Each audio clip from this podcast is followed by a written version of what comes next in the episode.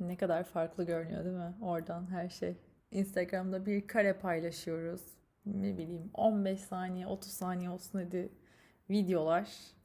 Ve aslında hakkımızda bir sürü varsayım oluyor. Mesela kurduğumuz cümlelere, kullandığımız kelimelere. Son bir önceki daha doğrusu podcast için konuşuyorum. Çok fazla mesaj aldım. Tahmin ettiğim mesajları aldım karşıdan çok farklı duruyor. İşte karşıdan çok daha farklı bir ailen olduğunu düşünmüştüm. Daha farklı bir ortamda büyümüş olduğunu düşünmüştüm gibi. Zaten bu yanılgıyı fark ettiğim için ya da tahmin ettiğim için burada hayatımın başka bir penceresini açtım size. Çünkü açmak istedim. Aslında ben böyle her şeyini anlatma. İşte kimseye bir şey söyleme ne bileyim evle alakalı işte ailenle alakalı falan filan böyle bir sürü şey. Onu anlatma, bunu anlatma, öyle anlatma, böyle anlatma. Bir aileden geliyorum. Yani en azından bizim çekirdek ailemizde olay buydu hep böyle. Kimseye bir şey anlatma. Hatta mesela Can'la olan ilişkimizde de hep böyle şeyi fark ediyorum. Ee, mesela o daha paylaşımcıdır böyle. O bu mahallede konuştuğunu bir sonraki mahalleye gittiğinde orada paylaşır falan ya da onların böyle çok gizli saklı durumları da yok. Bizde de aslında gizlenip saklanacak çok olay yok ama herhalde her ailenin kültürü gibi. Dolayısıyla ben böyle gerek Instagram'da gerek YouTube'da gerek şu an burada böyle bu kadar ailevi ve hmm, nasıl diyeyim aslında hep böyle dört duvar arasında konuşulmuş konuları anlatıyorum ki bizimkiler bunu herhalde dinlese beni topa tutar gibi geliyor. Bir yandan da şu var aslında. Her ne kadar böyle duvarları kırmışım gibi görünse de duvarları kırmak değil de bende biraz terse gitmek vardı. İnatlaşmak. Hani yüzüne ya da gözüne karşı yapamıyordum onu gözünün önünde. Ama arkadan bir şekilde inatlaşıyordum. Bilmiyorum. Zorla bir şeyler yaptırılması beni çok böyle şey yapıyordu kamçılıyor diyeceğim ama hani kamçıladığı konularda değişiyordu. Mesela bizde şey vardı. Her pazar işte babaanneye gidilirdi. Her pazarda çocuksun gitmek istemeyebiliyorsun ama gitmek zorundaydın. Mesela evde yalnız bırakmazlardı falan böyle şeyler. Şakasız yani. Neyse bu çok bu konulara hem girmek istiyorum hem girmek istemiyorum. İnsanın düşününce çok fazla anısı ve çok fazla hikayesi olduğunu fark ediyor. En azından ben bunu fark ettim yani.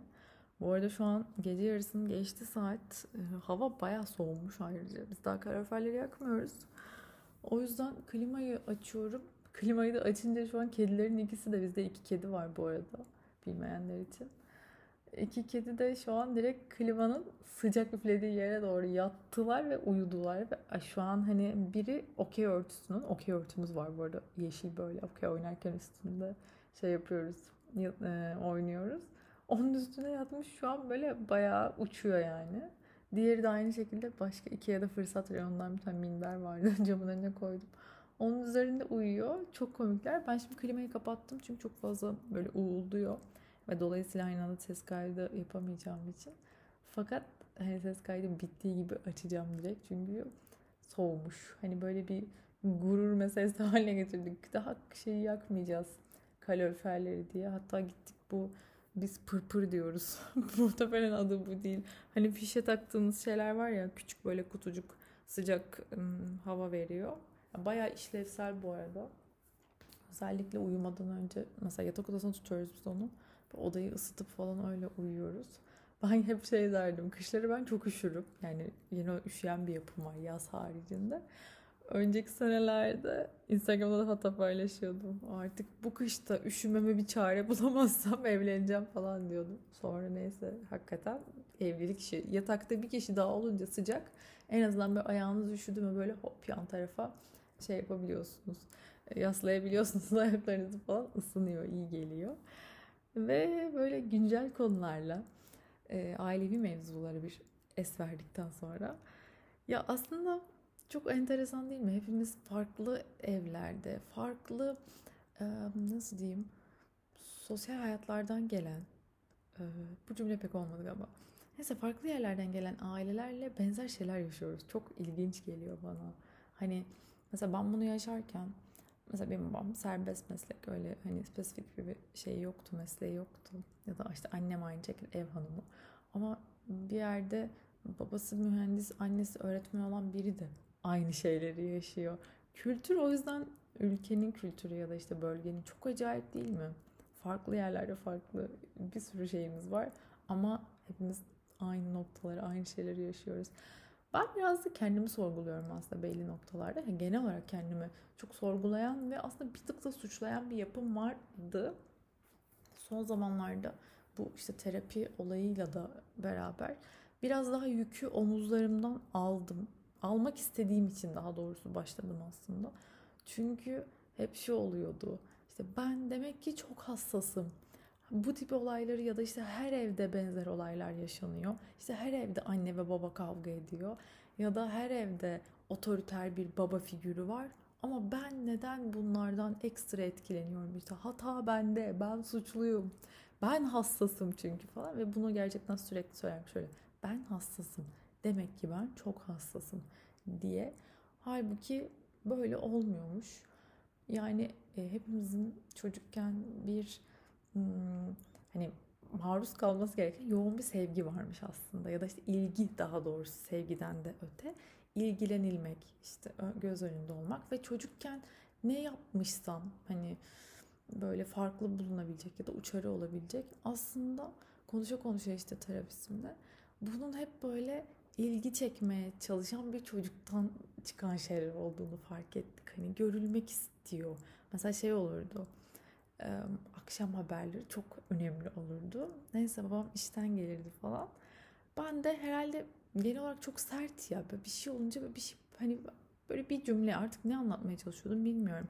Yanına gidip bir şey söylemeye çalışırdım. O sırada o da haberleri izliyor. Haberler dünyanın en önemli şeyi arkadaşlar o sırada. Saat 7'de mi ne başlıyordu işte o zaman. ATV seyredeceksiniz. Dıdınt. O zaman kimse satılmamış tabii neyse. Orada böyle ben yandan böyle tam işte baba falan derken böyle gözünü televizyondan ayırmazdı. Bana da böyle parmağını uzatırdı. işaret parmağını böyle eliyle hani bir dakika şeklinde. Hani dur sessiz ol çünkü o an haberler çok önemli şeklinde. Hani dediğim gibi bunu şey olarak sadece böyle anı kareleri geliyor aklıma ve geldikçe aslında şu an anlatıyorum. Hani böyle şey gibi değil.